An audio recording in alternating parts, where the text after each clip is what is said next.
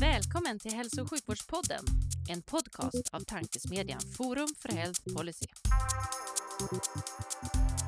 I den här podden möts frågor om hur vi kan få bättre hälsa med frågor om vilken politik som krävs. Det kommer bli samtal om personcentrering, ledarskap, digitalisering, organisation, politik och mycket mer.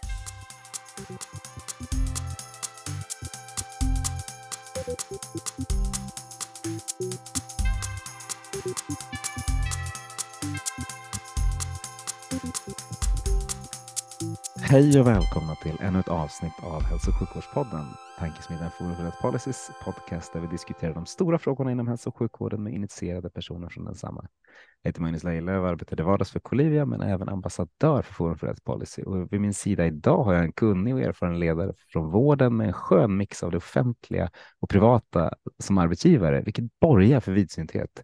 Varmt välkommen Emma Lovén. Tack. Hur är läget idag?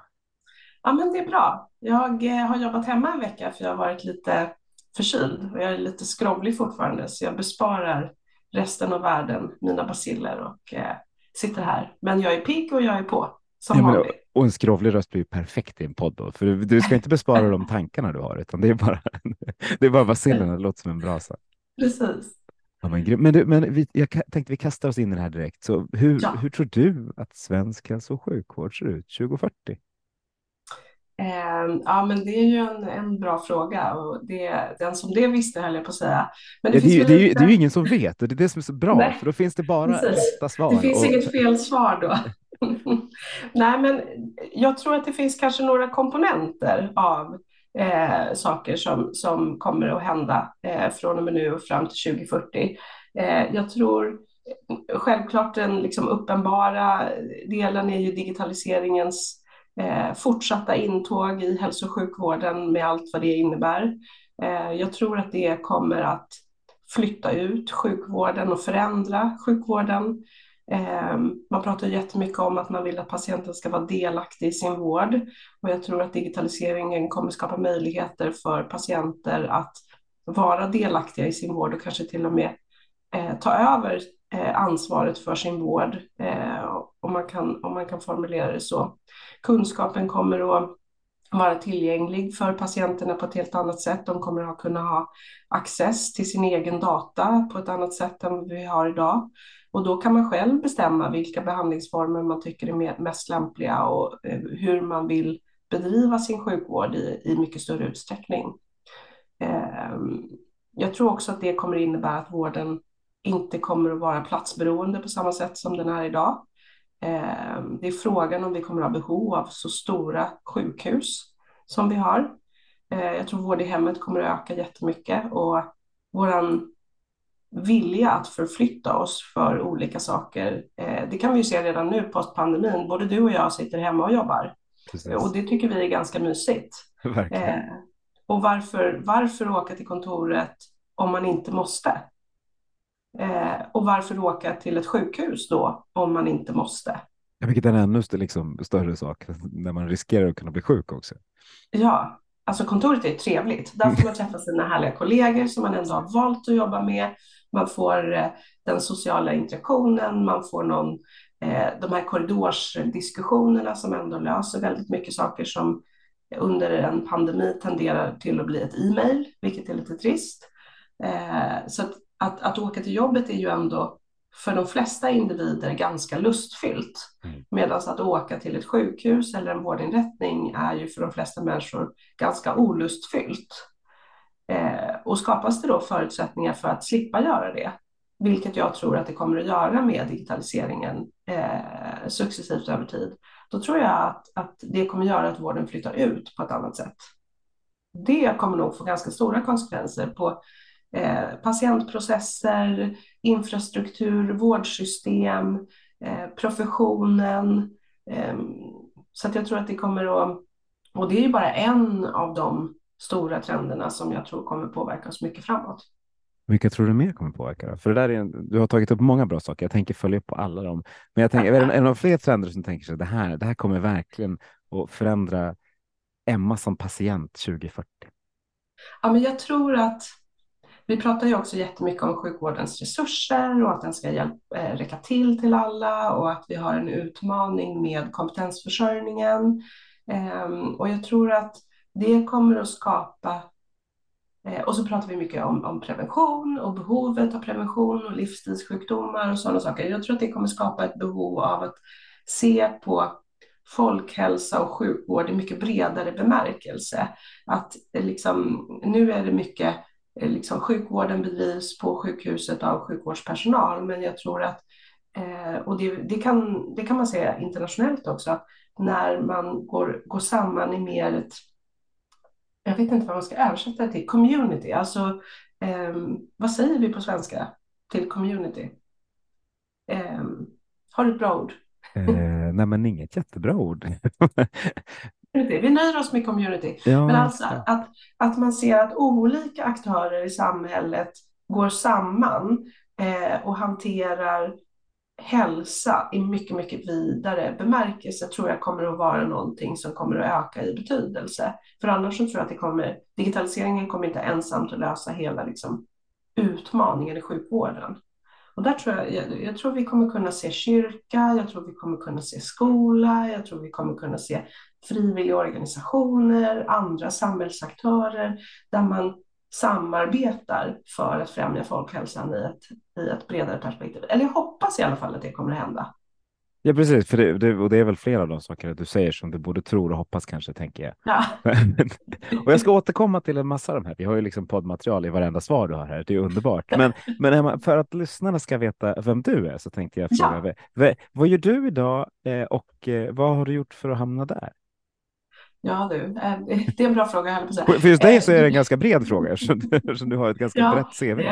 Hur många timmar har du? Nej, men eh, jag, jag är ehm, närvarande, nuvarande eh, partner på KPMG. Jag ansvarar för offentlig sektor och hälso och sjukvård som är en sektor hos oss, en av våra prioriterade sektorer. Ehm, jag, mitt skrå, eller min profession, är som managementkonsult. Men jag har tidigare också jobbat på sjukhus, så jag har jobbat som utvecklings och IT-direktör på Södersjukhuset i Stockholm. Eh, och jag har också jobbat som eh, verksamhetschef för innovationsverksamheten på Karolinska i Stockholm. Så jag har eh, och varvat med, mellan att vara både på plats i sjukvården och jobba i linjen med att vara konsult. Eh, dock har jag jobbat med hälso och sjukvård de senaste ja, strax under 20 åren. Eh, och det har liksom varit ett återkommande tema hela tiden. Mm. Ja, men tydligt så. Det, men det, jag gillar också att du hoppat mellan, för det gör att man, man liksom skapar sig. Man, man ser någonting inifrån och så får man titta på det utifrån. Ja. Eh, jag började ju titta utifrån och tyckte att jag hade så en himla bra koll på hälso och sjukvård och visste liksom precis. Eh, och sen så eh, efter att jag hade varit på insidan så Eh, har jag stor respekt och ödmjukhet för hur mycket det är som jag inte förstår och som jag inte kan. Eh, men känner mig trygg i att den kompetens som jag har, den kan vara ett komplement till den kompetens som finns inne i hälso och sjukvården och att man tillsammans kan eh, skapa ganska bra och spännande lösningar på vårdens utmaningar. Mm. Jag fattar det. Som en som tittar på sjukvård utifrån och tycker att det är skitspännande, men inser också att man saknar en del kunskap. Men vad, vad var de stora luckorna då, som, du, som du kände att när du kom till innovationsplatsen, att så här, det här hade jag inte sett komma? Eh, du menar, det förstod jag inte när jag var på utsidan? Ja, men exakt. Ja, men jag tror att man underskattar vårdens komplexitet när man står på utsidan. Jag brukar säga att, att eh, jag har tagit med ganska många nya personer in i hälso och sjukvårdens värld som konsulter eller som anställda från andra sektorer. Eh, och jag tycker att det är ganska intressant att se att de flesta kommer in och så tittar de på liksom, hur folk jobbar och arbetssätt och så eh, skrattar de lite. De raljerar gärna lite över faxen och liksom, hur folk jobbar och så där. Och det finns en liten kanske en tendens till att säga vad är det för fel på de här människorna som jobbar på det här sättet? Um, och sen så säger de så här, jag ska visa dem hur man gör. Jag som kommer från utsidan, som har alla de här kloka spännande tankarna och massa erfarenhet, jag ska visa hur man gör. Och sen börjar de försöka förändra mm. eh, och driva frågor och sen så stöter de på problem. Och det är aldrig samma problem. och det är oftast problem som är otroligt inbyggda och in, eh, vad ska man säga, de är liksom intrasslade i vårdens system som gör att även om alla andra också håller med om att det här inte är rätt sätt att göra det på så är det så otroligt svårt att lösa alla saker samtidigt. Så att det blir väldigt svårt att driva någonting. Eh, och jag brukar säga att då in, infinner sig, om man vill vara kvar och jobba med hälso och sjukvård, så infinner sig en djup respekt för de individerna som jobbar i hälso och sjukvårdssystemet. För att det är ett så otroligt komplext system. Det är så otroligt svårt att driva förändring och göra bra grejer. Eh, att man i den ödmjukheten säger jag ska inte visa dem utan jag ska hjälpa dem. Mm. Och att man då använder sin kompetens för att göra vardagen bättre för patienter och medarbetare i sjukvården. Och att, att det drivs mer av en respekt än, än att man ska skriva någon på näsan. Och även om jag hade fattat det så hade jag nog inte fattat hur många dimensioner varje fråga innehåller. Det är liksom det, det, finns politik, det finns patienter, det finns anhöriga, det finns medarbetare, det finns ekonomi, det finns kultur, det finns eh, eftersatt infrastruktur både på fastighetssidan och på tekniksidan. Det finns snåriga leverantörer, det finns lagen om offentlig upphandling. Alltså så många olika möjliga hinder eh, som kan stå i vägen för förändring som gör att, att eh, det kan vara riktigt svårt ibland. Eh, tveklöst. Det, det, det, låter svårt, det låter roligt. Om man lyssnar på titeln utvecklings och it-direktör som hade på SÖS så lät ju ja. det, alltså, det låter som det, ja, men det kanske roligaste uppdrag man kan ha. Alltså eh, och, och ett ohyggligt svårt uppdrag. Ja, men man får ju, eh, jag brukar säga, vi, vi hade till exempel på, på SÖS, ehm, eh, eh, i min verksamhet hade vi Nobelpris på, på Nobeldagen eh, varje morgon så hade vi Nobelfrukost och då delade vi ut Nobelpris eh, för att fira goda prestationer under året som hade varit. Mm. För att eh, precis som du säger, det är så himla svårt, eh, ett sådant uppdrag. Och det var inte bara, liksom, ja det var mitt uppdrag, men jag hade ju en fantastisk organisation eh, till hjälp. Ehm, men det här var ju en organisation som ville framåt hela tiden. Mm. Så vi pratade alltid om vad vi ville förändra näst. Eh, och det finns ju en tendens att det kan kännas lite jobbigt, att man alltid tittar framåt på det man inte har gjort snarare än att titta bakåt på det man har åstadkommit. Så hela syftet med Nobelpriset var att vi skulle blicka tillbaka på året som hade varit och ändå klappa oss lite på axeln för allting som vi faktiskt hade gjort. Mm. Eh, och sen nästa dag får man liksom eh, ta tag i det igen och, och titta framåt på alla problem som man vill lösa. För det är, det är kul att lösa problem också. Så det, om man har ja, ja. En, liksom, kan, man, kan man forma den kulturen som jag inte alltid tycker att vi har i svensk hälso och sjukvård, att vi faktiskt vill lösa alla problem, eh, så, så är det ju fantastiskt. Ja, och jag tror att eh, jag brukade säga, eh, är det, är det, hade det varit enkelt så hade någon annan gjort det. Mm. Eh, för då hade det ju redan varit löst. Så det är ju klart att det är de svåra problemen kvar. Eh, och det ska man ju tycka är kul om man vill jobba med utveckling. Annars så blir det jobbigt. Om man, när du satt i den rollen, hur, hur, stor del av förändringen var kulturell förändring och hur mycket var liksom arbetssättsförändring? Jag skulle säga att eh, kultur är ingenting som man ändrar liksom, från en dag till en annan. Du har liksom ett, ett förändringsprojekt och så kanske du har eh, några månader på dig och så driver du igenom en förändring. Det betyder ju inte att kulturen förändras. Eh, Nej, det, jag, jag, gjorde det enkelt för mig med frågan, men jag mm. tänker Människor så jag skulle säga att väldigt mycket av arbetet var operativ förändring. Så att mm. säga. Vi, gjorde, vi implementerade olika typer av lösningar eller vi, vi förbättrade eller för, skapade förutsättningar för förbättrade arbetssätt. Vi jobbade med ledning och styrning, vi tog fram en färdplan för digitalisering. Eh, vi började realisera en hel del lågt hängande frukter i digitaliseringsprojekt och sådana saker. Men det jag tycker var fantastiskt med, med SÖS som hände de här åren, det var ju kanske den förståelsen för tekniksidan som jag tyckte växte fram eller landade in djupare i sjukhuset under den tid jag var där. Eh, och det, det tror jag inte bara var min förtjänst såklart, utan, utan vi var ju många och det fanns framförallt eh, några stycken verksamhetschefer och chefläkare som hade god förståelse för teknikens möjligheter att, att underlätta för sjukvården och som, som gärna drev på och som stöttade och hejade på när vi försökte föreslå olika nya lösningar och sådär. Så att det var ju, jag skulle säga att det var ett väldigt stort teamarbete. Jag kan absolut inte ta cred för allting som, som hände under de här åren. Men, men eh, eh det, var, det var fantastiskt att se, tycker jag, det som hände där. Ja, du... Nu blir jag lite nostalgisk. Nu känner jag, varför slutade jag där för? för att man vill förändras. Det, många av dem du nämner, utan att nämna, har ju också slutat göra andra spännande ja. saker. så är det. Så är det. eh, om vi tänker tillbaka på de sakerna du sa skulle hända 2040, vilket var många bra ja. saker, eh, så tänker jag, du, du nämnde att kunskapen blir mer tillgänglig och att patienter ja. får mer access till sin egen data och kan ta liksom, mer ansvar för sin egen vård. Ja. Och det, det hoppas jag, men inte säker på att jag tror. Nej, varför inte? Nej, men för att jag tycker att det finns en, en, in, en inbyggd, ett inbyggt motstånd i systemet från att, att vi patienter ska få ta, liksom, ta ansvar för, för, för våra beslut i, i större utsträckning. Det är ja, ingen... men idag ja. Ja, jag vet. men det har varit så så länge. Det är fortfarande så att, jag pratade om det i morse i en annan podd, eh, att eh, liksom, den datan som speglar mitt hälsotillstånd mest, den kommer från min telefon och från ICA. Men, men vården är liksom inte intresserad av att ta del av den, eller är väl jätteintresserad, men gör det inte. Nej, men jag... alltså.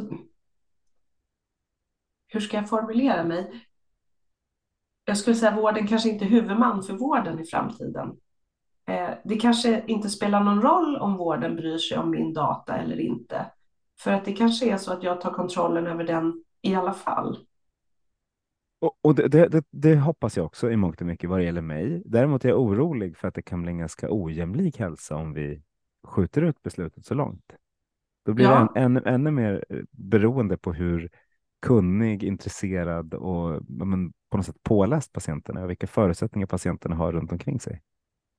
Ja, och jag tror, det har du rätt i förstås. Eh, i, en, i, en, i, en lång, I en värld långt fram i tiden så, så kommer de som är dåliga på tech att vara bättre än vad du och jag är. Ja, absolut. och, och, och, de som är dåliga på tech idag, de kommer man tänka att de var som dinosaurier och stenåldersmänniskor. Men det är inte, det är inte bara att vara duktig på tech, det är att vara duktig på att liksom lyssna på kunskap. Och, ja, men, det finns fortfarande, ja. antivaxxers är ett av de största folkhälsohoten vi har idag om du frågar WHO. Och det, ja. har inte, det har inte med teknikförståelse att göra, det har ju en det har ju med ett motstånd till kunskap. Ja, men alltså. Eh, Så det finns det absolut en sån risk. Men jag menar, vi, vi fångar ju inte in antivaxxers idag och tvångsvaccinerar dem. Utan, eh, Vilket hade varit rimligt ur ett samhälleligt perspektiv, men vi gör inte det. Nej. Ja, det beror ju på ja och nej. Ja, alltså om man tittar på sjukdomar. Så jag, jag sa inte om man tittar på sjukdomar, man... ja, men om man tittar på liksom lite andra dimensioner så. Ja, exakt. Men om vi då tänker, det är det jag försöker lägga till det, nu provocerar jag fram en sån, men om ja. vi ska lägga till den etiska dimensionen eh, till så här, att ta beslut så kommer en, kommer en massa, massa andra faktorer in som, som ja. kunskap och miljö och sådana grejer. Men jag tycker att det är väldigt intressant att vi i västvärlden drar till med etik nu ska jag bli lite filosofisk, när vi vill att andra ska göra så som vi tycker är rätt. För att det är ju vår etik. Poäng. Men om, men om du tittar i andra kulturer så är det inte givet att den etiska norm som vi i västvärlden eller i Sverige tycker är per automatik den korrekta. All, alltså vad är det som ger oss tolkningsföreträde för vad som är rätt? Det är en väldigt filosofisk fråga, men om man liksom drar det till sin spets.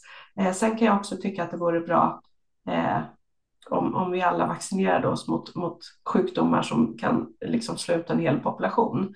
Eh, och det är bra om, om alla gör det. så. Men, men, eh, men jag kan också ibland känna en väldigt stor ödmjukhet inför eh, att det är väldigt lätt att tycka att mitt perspektiv är det enda rätta och den som tycker någonting diametralt annorlunda eh, har per automatik fel. Ja, och det stämmer. De har ju naturligtvis fel. Men, eh, ja, ja, nej, det tycker men- jag också. Det är bara, Nej, men, man, men man, någonstans måste det finnas någon slags sanitetsgräns.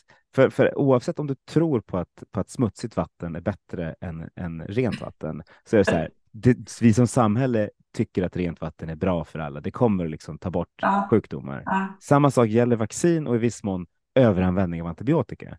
Sen kan, Ja, man, sen kan vi sätta någon slags, lägga så här den etiska ribban över det.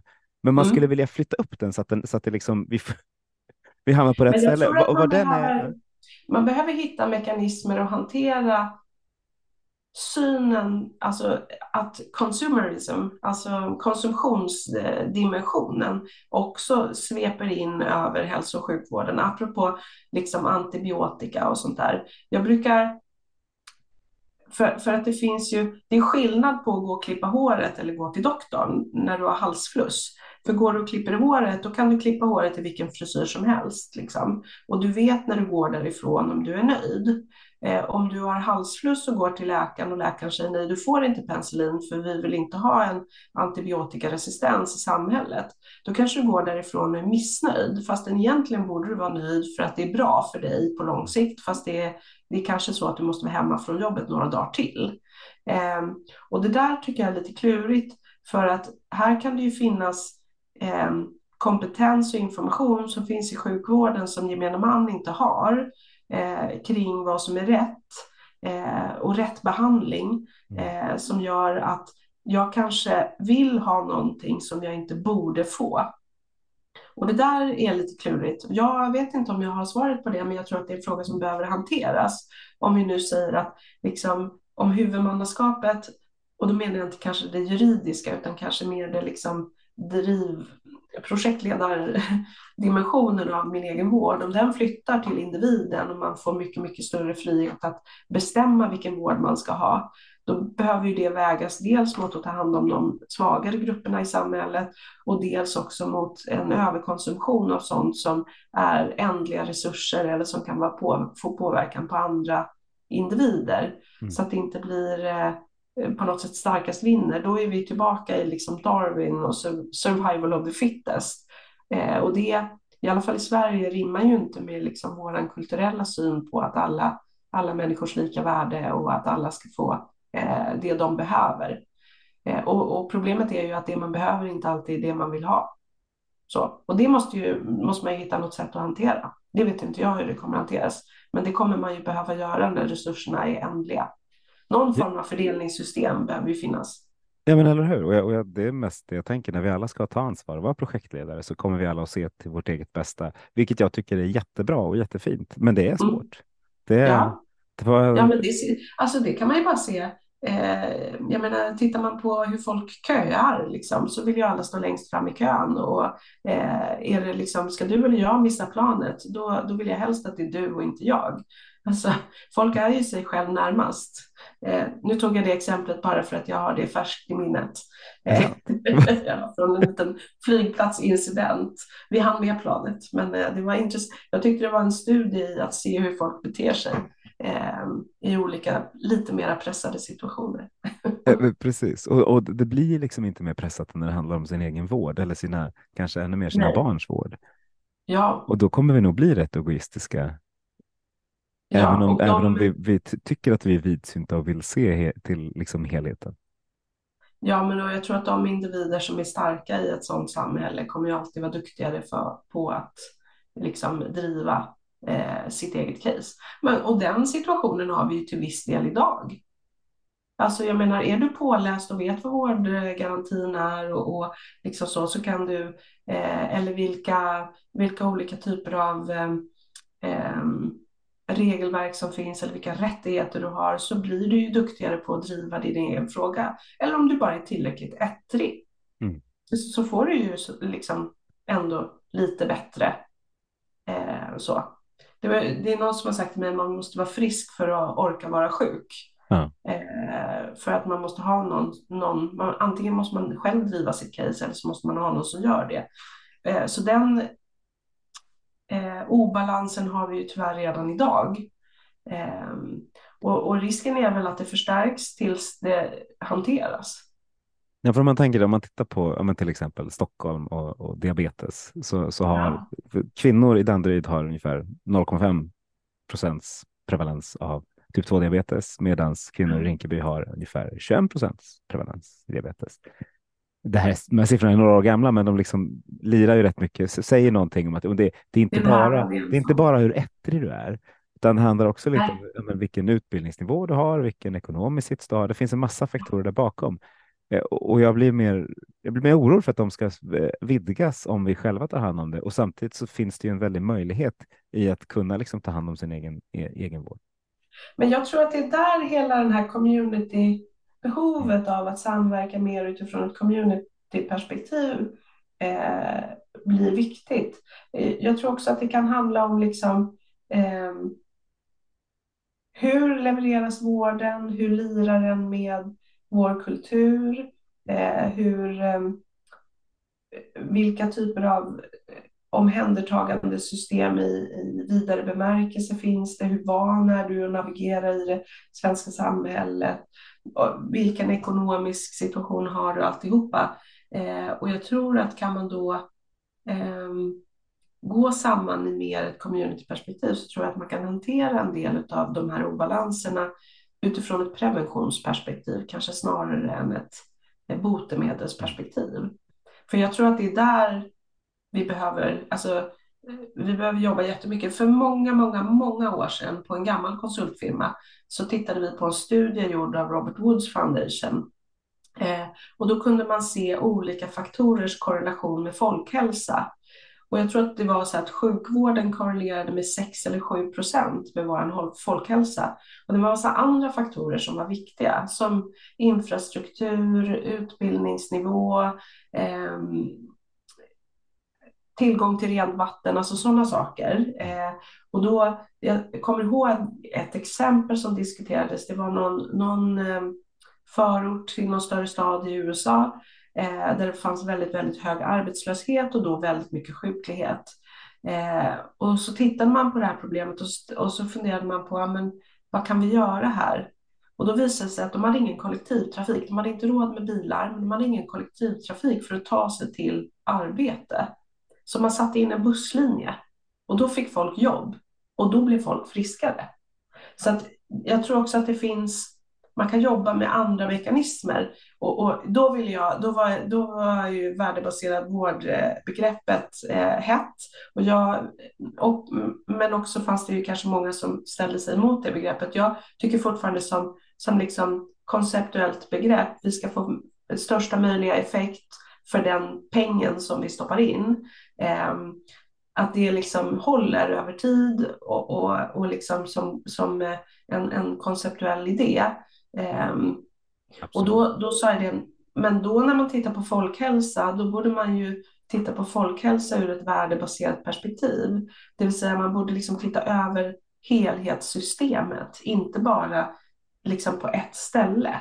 Hur ser hela den värdebaserade folkhälsan ut och var ska vi lägga våra resurser i samhället för att säkerställa att vi har en så bra folkhälsa som möjligt.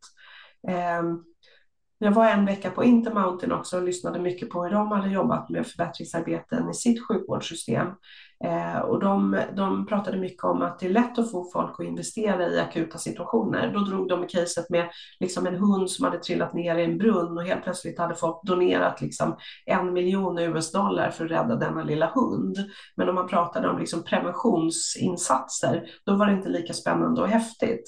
Mm, eh, men att de sa det, att de de trodde väldigt starkt på att liksom prevention och att jobba upstreams var en väldigt stor faktor i att, att liksom, eh, skapa då en, en eh, bättre folkhälsa i samhället eh, med lägre resursinsats.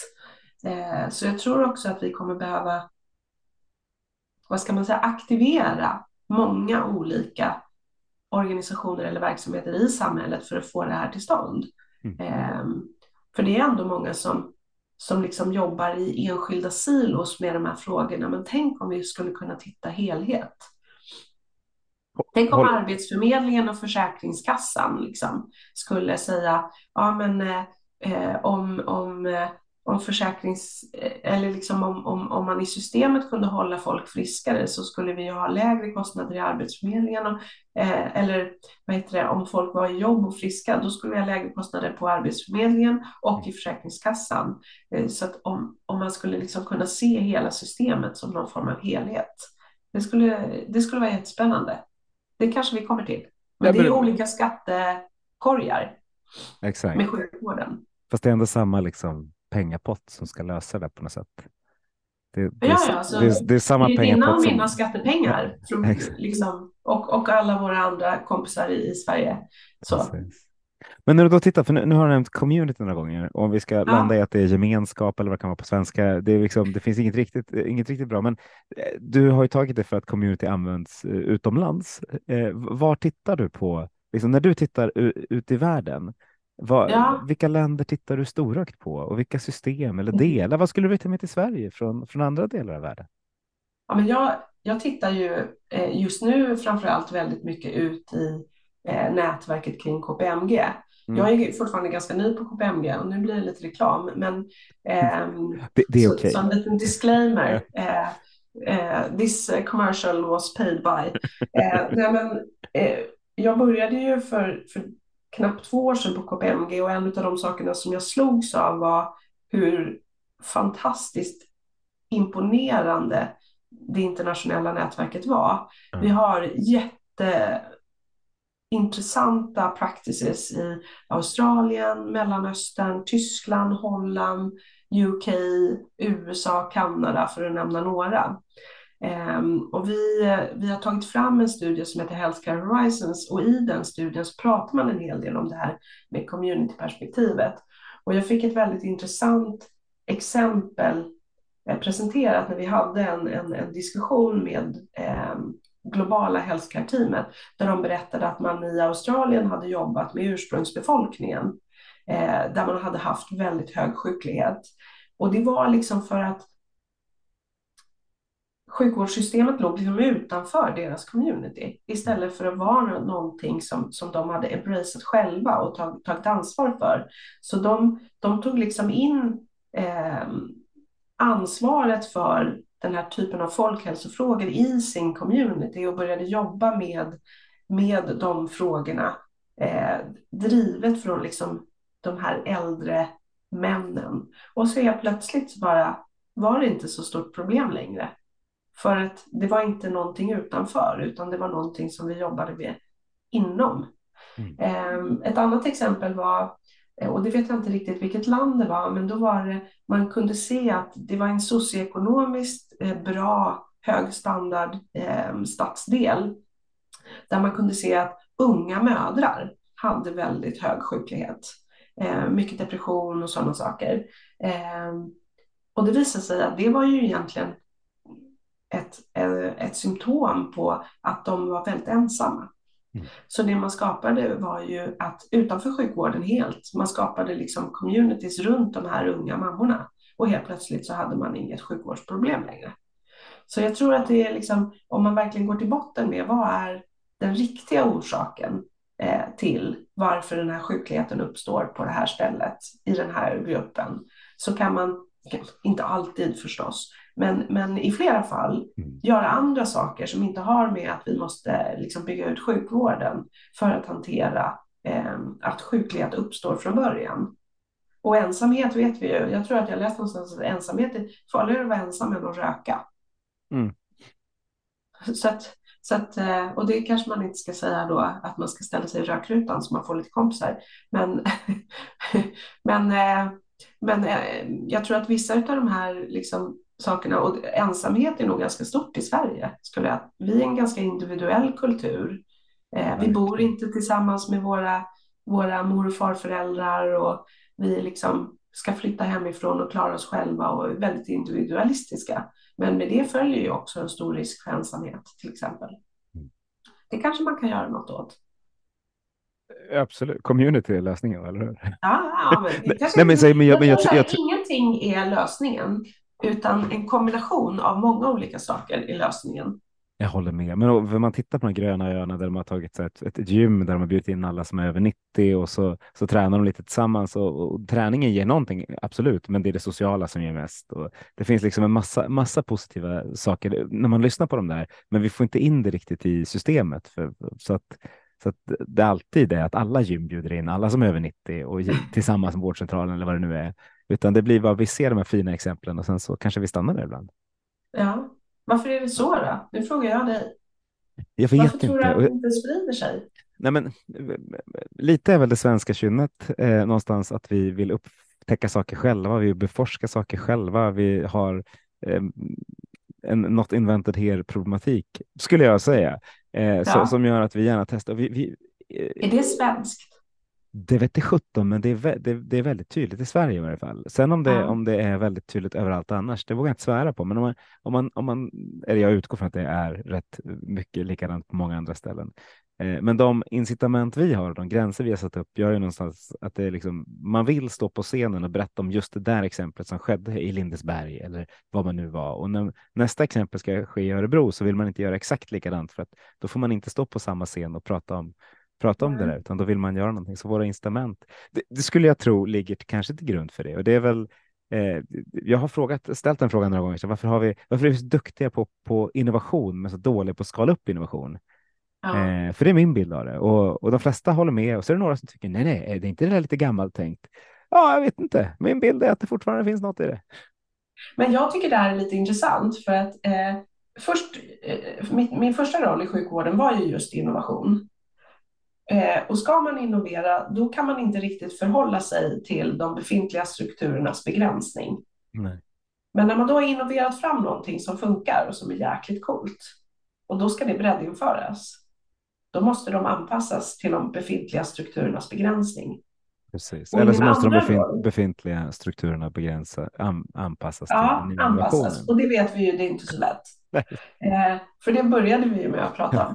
Eh, för i min andra roll eh, på SÖS, då var ju jag ansvarig för förvaltning. Ja. Och innovationsverksamheten låg utanför min verksamhet. Och då upptäckte jag att det var inte alltid så lätt att ta emot de här innovationerna. Hur bra, alltså de var fantastiska. Innovationsgänget är så himla duktiga. De var det och jag, de är fortfarande det. Och de vinner massa priser och de gör skitbra grejer.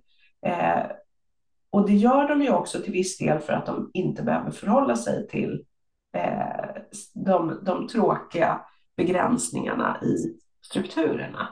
Eh, till viss del. Eh, så ibland när vi skulle ta emot innovation så blev det liksom så här, men vänta nu, den här tekniska standarden har ju vi sagt nej till av olika skäl. Jaha, okej, hur ska vi hantera det då? Eh, så jag tror också att det finns en eh, det finns en utmaning i breddinförandet som handlar om det. Men det finns också en utmaning i breddinförandet som handlar om att eh, vi uppfattar att vi är väldigt unika. Eh, så att det är inte säkert att det kommer att funka här bara för att det funkade där. Utan man vill, jag brukar säga förändring är bara roligt om det händer någon annan. Ja, Eller om man får styra det själv. Exakt. Så om man innoverar i sin egen verksamhet, då får man ju styra det själv. Men om det ska breddinföras, då är det ju någon annans förändring som händer än. Och det är inte alltid det är kul. Fast det, är, ju, det är ju kul om, om, om, man, om man får det förklarat för sig och får liksom värdet förklarat för sig på ett bra sätt. Om man bara ska veta om man förändras så är det rätt tråkigt. Men om, i varje fall för sådana som mig, om jag får se så här, det här, det är det här som kommer att hända framåt, så blir ja. jag bara lycklig. Men då måste ju du internalisera den här förändringen ja. och göra den till din innan du kan känna att du kan checka in. Absolut. Ja. ja du sa att du hade en kollega, jag avbröt dig, du hade en, ja, nej, du men jag hade en kollega som sa att folk tycker inte så himla mycket om att andra människor kommer och säger till dem hur de ska göra.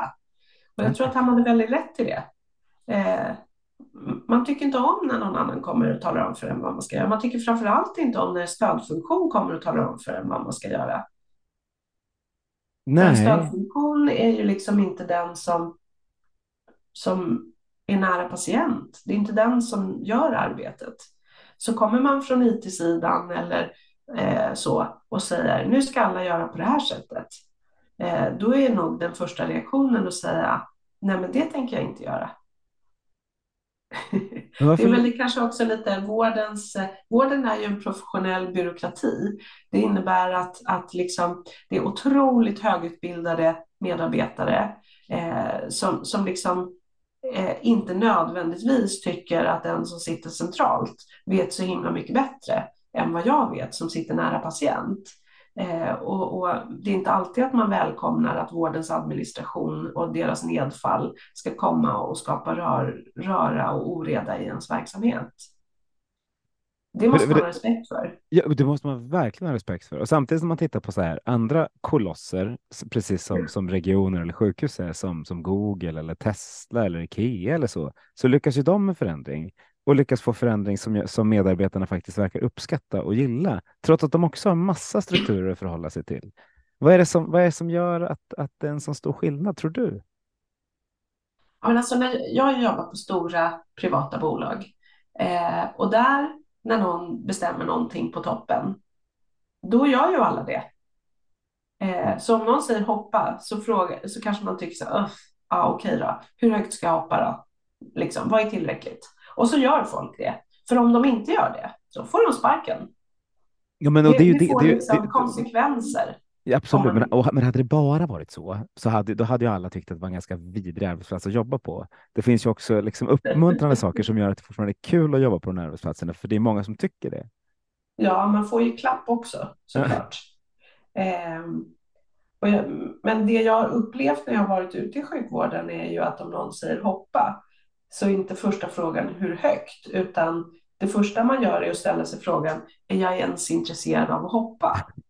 Och om man inte hoppar, om man, inte kom, om man kommer fram till att man inte vill hoppa, då rör man den delen av sig själv som syns. Och resten är helt stillastående. Och det händer ingenting om man låter bli. Så att, nej, det är klart att man kan inte driva folk med bara piska, man måste också driva folk med morot. Eh, så. Eh, men, men jag tror också att det behöver finnas konsekvenser för att inte göra det som, som man ska. Men jag tror också att man måste jobba väldigt mycket med att kommunicera varför det är bra att hoppa. Mm. Inte kanske just för mig, men för alla. Och sen är det ett starkt ledarskap. Den närmaste chefen som du har måste ju också säga eh, nej, det kanske inte blir så bra för oss det här, men det kommer bli jäkligt bra för vår helhetsorganisation och för våra patienter. Så nu hoppar vi för fan. Mm. Eh, och, så måste den chefen också hoppa. Precis. Det är mycket hoppande här och jag håller, ja, håller med, nej, men, jag håller med dig. Men om man tar det på, på tal om hoppande så är det många som hoppar av sjukvården just nu. Kompetensförs ja. Kompetensförsörjning är ju ett problem, kanske inte för, ja. att vi, inte för att vi inte utbildar tillräckligt många, utan för att vi inte är tillräckligt bra arbetsgivare för att folk ska tycka att det är tillräckligt roligt att jobba vidare och känna sig utvecklade och sedda och vad det nu är. Eh, hur, på tal om lätta frågor, hur tror du att vi ska lösa kompetensförsörjningen framöver och vad tror du är de stora ja, utmaningarna? Nej, men, eh, vad fint. Eh, hur, hur, många timmar har du? Nej, men jag tror en sak som jag reagerat på som jag verkligen inte kan förstå, det är att man pratar om att man vill inte ha så många chefsled, för man vill inte ha så mycket hierarki liksom. Och samtidigt så säger man så, men konsekvensen av det, det blir ju att folk har så här, ja, 75 direktrapporterande medarbetare. Finns det inte en chans att se 75 direktrapporterande medarbetare. Jag är ju då partner på en konsultfirma. Jag är ansvarig för en av våra tre prioriterade sektorer. Ehm, jag har eh, nio mm. direktrapporterande medarbetare, varav coachning i liksom karriärutveckling. Just nu har jag bara två av dem. Så jag är linjechef för nio, men jag är liksom direkt coachande chef för två. Då kan jag se mina, och jag kan ibland tycka att det är lite tufft att hinna med alla. Mm. För att jag har ju också ett jobb att, göra. Liksom. Jag jobbar ju också. Men jag jobbar ju med väldigt många av mina medarbetare, så ofta hinner jag ju checka in med alla. Men om jag hade haft 75 pers utan en mellanchef, det är ju helt omöjligt att vara en bra chef, hur duktig person man än är.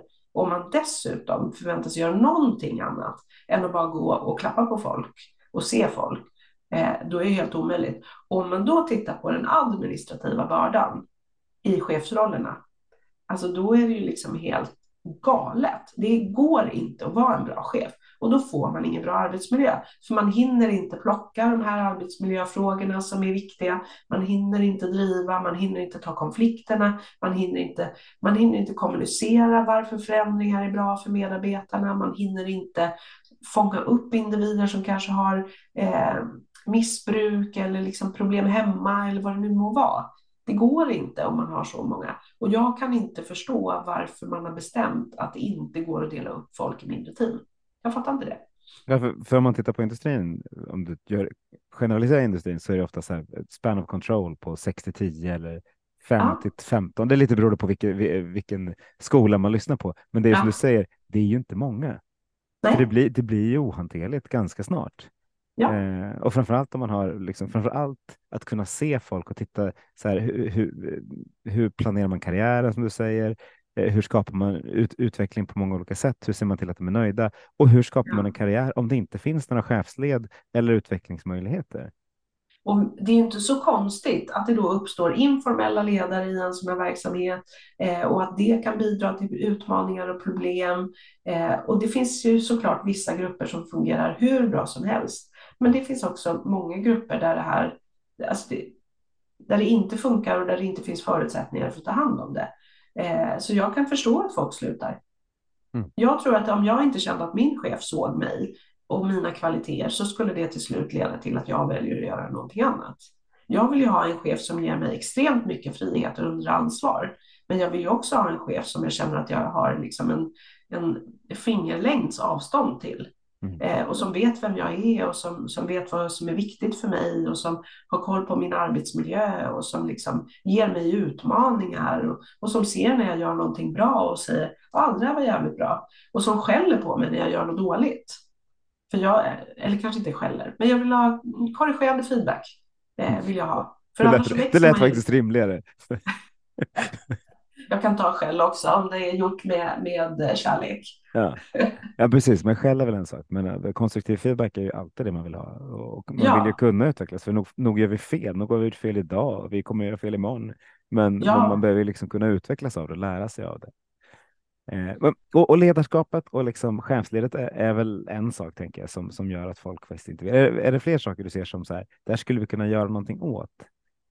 Ja, men alltså, alltså administrationen är ju en, en sån, eh, liksom, jag kan inte, för, alltså, jag, att sitta med monotona arbetsuppgifter när man vet att det finns patienter i närheten som man skulle vilja spendera tid med för att det är det som är ens kall och det är därför man kom dit. Att då sitta och vänta på inloggning i olika system eller att fylla i blanketter på papper som man inte ser värdet av eller eh, det bara liksom ramlar ner mer och mer uppgifter. Eh, och, och, och sen kommer det så här, vi ska spara på administrationen. Ja, och så tar man bort stödfunktioner. Och det, så länge man inte tar bort arbetsuppgiften så kommer ju någon annan behöva göra det där. Och då landar det ju till slut på den kliniska personalen. Och det kan jag förstå, att man tycker att liksom administrationen äter upp ens själ när man är på jobbet. Och också liksom den absolut helt oacceptabla eftersatta tekniska miljön. Där det, liksom, det ska inte ta sju minuter att logga in på en dator. Och man ska inte behöva eh, skriva in en patient tre gånger i tre olika system med ungefär samma information för att inte informationen flödar. Nej, absolut. Och, och, och, den världen vi lever i just nu så är det enda rimliga. Det är att en, en läkare dikterar rätt ut i luften och att det tas upp av ett system och, och bildar en, en strukturerad journalanteckning. Ja. Alltså det finns, du ska inte behöva logga in någonstans. Det enda rimliga Nej. där vi är just nu är. Ja. Och, och, men, men vi är ju inte riktigt där än. Och du då, så, när, när du som har varit hand om haft en IT på SÖS, varför är vi inte där? Ja, för det är jag skojar så, lite med det. Jag ser det är inte så, så lätt fråga tyvärr. Men eh, vi har ju byggt ganska mycket nya sjukhus och det har vi ju gjort för att våra sjukhus liksom rent, de byggdes på 70-talet när den industriella revolutionen hade gjort att vi hade ganska mycket bra pengar. Alla byggdes ungefär samtidigt så nu måste de byggas om ungefär samtidigt. Och så har vi liksom insett att oj hoppsan, vi har liksom inte tagit hand om våra byggnader på ett sådant sätt att eh, de överlever på sikt. Eh, så då måste vi bygga nytt. Men vi har gjort samma sak med vår tekniska infrastruktur. Det är liksom inte så att vi har, har moderniserat den över tid, utan eh, vi sitter ju ofta i ett läge där eh, det är inte det att tekniken inte finns. Vi har ju våra iPhones och vi har liksom tal till text och det är ChatGPT och det är AI och det är gud vet vad. Men vi har ju inte den tekniska infrastrukturen och plattformarna som möjliggör att vi ska börja använda den typen av verktyg. Och sen har vi lite så här molnutmaningar och sådana där saker. Men det går oftast att jobba runt. Man kan ha, liksom, man kan ha plattformar eh, on-prem istället för i molnet och liksom, man kan göra mycket trots att vi skulle kunna komma väldigt, väldigt långt utan att behöva ta tag i molnproblematiken. Eh, men, men eh, då ska ju förutsättningarna finnas. Det ska finnas ett inomhusnätverk som är kraftfullt nog att eh, bära de här tekniska lösningarna. Det ska finnas redundans om tekniken går ner, etc. etc, etc. Och finns inte det så spelar det ingen roll om själva lösningen finns. Nej. Så det är ett problem. Eh, och det andra problemet som jag ser som som jag inte har så himla många prata om och det är egentligen inget hinder för digitalisering utan snarare någonting som jag tror när vi väl kommer igång med digitaliseringen på allvar är någonting vi behöver eh, hantera som jag brukar kalla för bortom digitaliseringen. Det är ju när vi har börjat förlita oss på all den här tekniken och den har rationaliserat vår vardag och tagit bort behovet av massa individer i admin eller sjukvården. Och så händer det någonting och så går tekniken ner. Det är en sak att vi liksom har någon form av reservsystem eh, rent tekniskt, men, men under den tiden allting nere, då måste vi ha manuella reservrutiner som ibland innebär folk. Mm. Och då kommer inte de folken finnas där, för då kommer vi ha rationaliserat bort dem. Och den tycker jag är lite läskig. Eh, om man till exempel har digital patientövervakning i enkelrum, du har 24 enkelrum på en avdelning som eh, sjuksköterskan sitter i en central, monitorerar alla patienter, har koll på läget. Eh, och så kanske det finns en eller två som är ambulerande och kan springa in om det händer något. Vad händer om det där går ner? Mm. Då har du 24 obevakade patienter och tre sjuksköterskor. Hur ska du göra då? Den tycker jag är läskig. Ja, den är läskig. Och det, vi är väl någonstans eh, i etikens tidevarv här. Vi börjar liksom komma till ja. att ja, men, vi bör, det är så många frågor. Men tar AI till exempel och så här, ja. hur kommer, kommer rätt beslut att komma fram och vem tar ansvar för det? Det gäller självkörande ja, bilar. Det, ja, men det, det, det, är läskigt. Och samtidigt... Jag tänker på den här filmen I, Robot. Ja. Eh, där robotarna till slut vände sig mot mänskligheten. Eh, fastän de inte skulle kunna göra det. Precis. Så. Nej, men, och, och, och, Dumsta scenario, men. Eh, Nej, men det, är nog, det var det Mike Stegman pratade om det i sitt eh, sommarprat i somras. Ja. Det, liksom, och det, det, är väl också ropa efter vargen delvis, men, men, men, det är klart det finns där också. Och, men det, hur, det som kommer på AI-sidan är ja. ju spårbar AI. Ja. Alltså det som är farligt med AI är ju AI säger att det är någonting som ska hända eller någonting som ska göras, men vi kan inte förklara varför den har sagt det. Ja, precis. Eh, men om, om vi får AI som är spårbar, där vi faktiskt kan förklara grunden för varför AI tycker och tänker en eller något annat, då känns det ändå lite mer kontrollerbart. Eh, och det är ju liksom på frammarsch. Tve, tvekla, och, och, även, men även om det är spårbar, när, liksom, när vågar vi fullt ut lita på digital AI-triagering? Oj, Eh, jag vet inte. Nej, det vet inte jag heller. Silver Bullet. ja, eh, jag vet inte. Den, den stora frågan. Om jag visste det skulle jag kanske vara i aktiemarknaden och inte, inte podda med dig. Oh, det, det, är sant. Jag hade hoppats du poddade med mig ändå, men fast med ja, aktiemarknadsperspektiv. och pengar Exakt. Nej, men vad jag, vad jag men, det är liksom det är som etiska beslut hela tiden. Det har alltid ja. varit det, men de, de ställs på sin spets i så stor utsträckning nu. Men i etiska beslut eh, som fattas av en människa då går det ju, det har vi ju på något sätt accepterat att det är så. Eh, och människan har eh, en förmåga att resonera och det finns liksom en dialog kring etiken på sjukhus och i vårdinrättningar och sådana saker. Eh, men när man bygger in det så att det blir någon form av per automatik, det är det som är lite läskigt. Eh, för, för liksom, ja, vi vet ju att AI är biased. Mm. Det vet vi ju redan nu. Liksom. Eh, så vi vet ju att den inte är att den inte är etisk redan från början, vilket är lite läskigt. eftersom det finns massa bias. Det finns det ju för sig inom, in, för människor också. Eh, vi har ju alla någon form av unconscious bias. Eh, men den går ju ändå att resonera med och lära sig och utvecklas. Så jag, vet jag, jag tycker att det är lite läskigt, men, eh, men också eh, lovande inför framtiden. Ja, absolut. Jag, jag, jag är väldigt mycket åt det positiva hållet och tycker att det, det, är mycket saker som är bra här. Men jag inser också att det är bra, det är bra att lyfta de etiska aspekterna och diskutera ja, dem också. Det är härligt att du tycker att jag ska svara på, på ja, men du, du, du, har bara fått skitsvåra frågor här, så det är väl det, det som är ja. grejen. jag ska också börja ha en podd så jag kan få ställa massa svåra frågor till folk. Nej, men jag tycker att du, du tar upp viktiga, viktiga aspekter som jag tror att om, om man pratar om resan från och med nu fram till 2040 så är det ju sådana här frågor som eh, tekniken har massa möjligheter, men det finns också massa utmaningar kring tekniken som vi måste lösa ur. Och vi måste lösa ur dem på ett sådant sätt att vi som samhälle kan acceptera eh, de eventuella negativa konsekvenserna av att använda teknikerna och att de övervägs av de positiva konsekvenserna av att använda tekniken. Mm. Eh, och det tror jag är något som kommer att pågå och, och eh, ställas på, liksom, att ja, men vara fokus för, för utvecklingen framåt. Mm. Helt sant. Och på tal om framåt, så nu har vi pratat en timme ungefär, vilket är fascinerande hur det bara kan springa iväg och bli en timme så. När du kom in i den här digitala rummet, var det något du kände att det här skulle jag vilja prata om som Magnus inte lyfte? Um... Jag har ju varit lite överallt. Vi har ju varit lite överallt. Nej, men jag tror att eh, vi skulle kunna prata i tio timmar till. Eh, det kanske inte skulle vara så roligt för någon annan att lyssna på. Men, men eh, jag tror att om man, om man liksom lägger armarna om det här ämnet så tror jag nog att vi har sagt ganska mycket. Eh, vi har varit inne på väldigt många delar av det som jag tror är spännande och viktigt framåt. Håller med. Men du, då, då skulle jag tacka varmast för att du var med i Hälso och sjukvårdspodden. Men tack själv. Så Ly roligt. Lycka till med målandet i helgen så, så förändrar vi svenska sjukvård nästa vecka. Ja, det gör vi. Tack så mycket. Tack.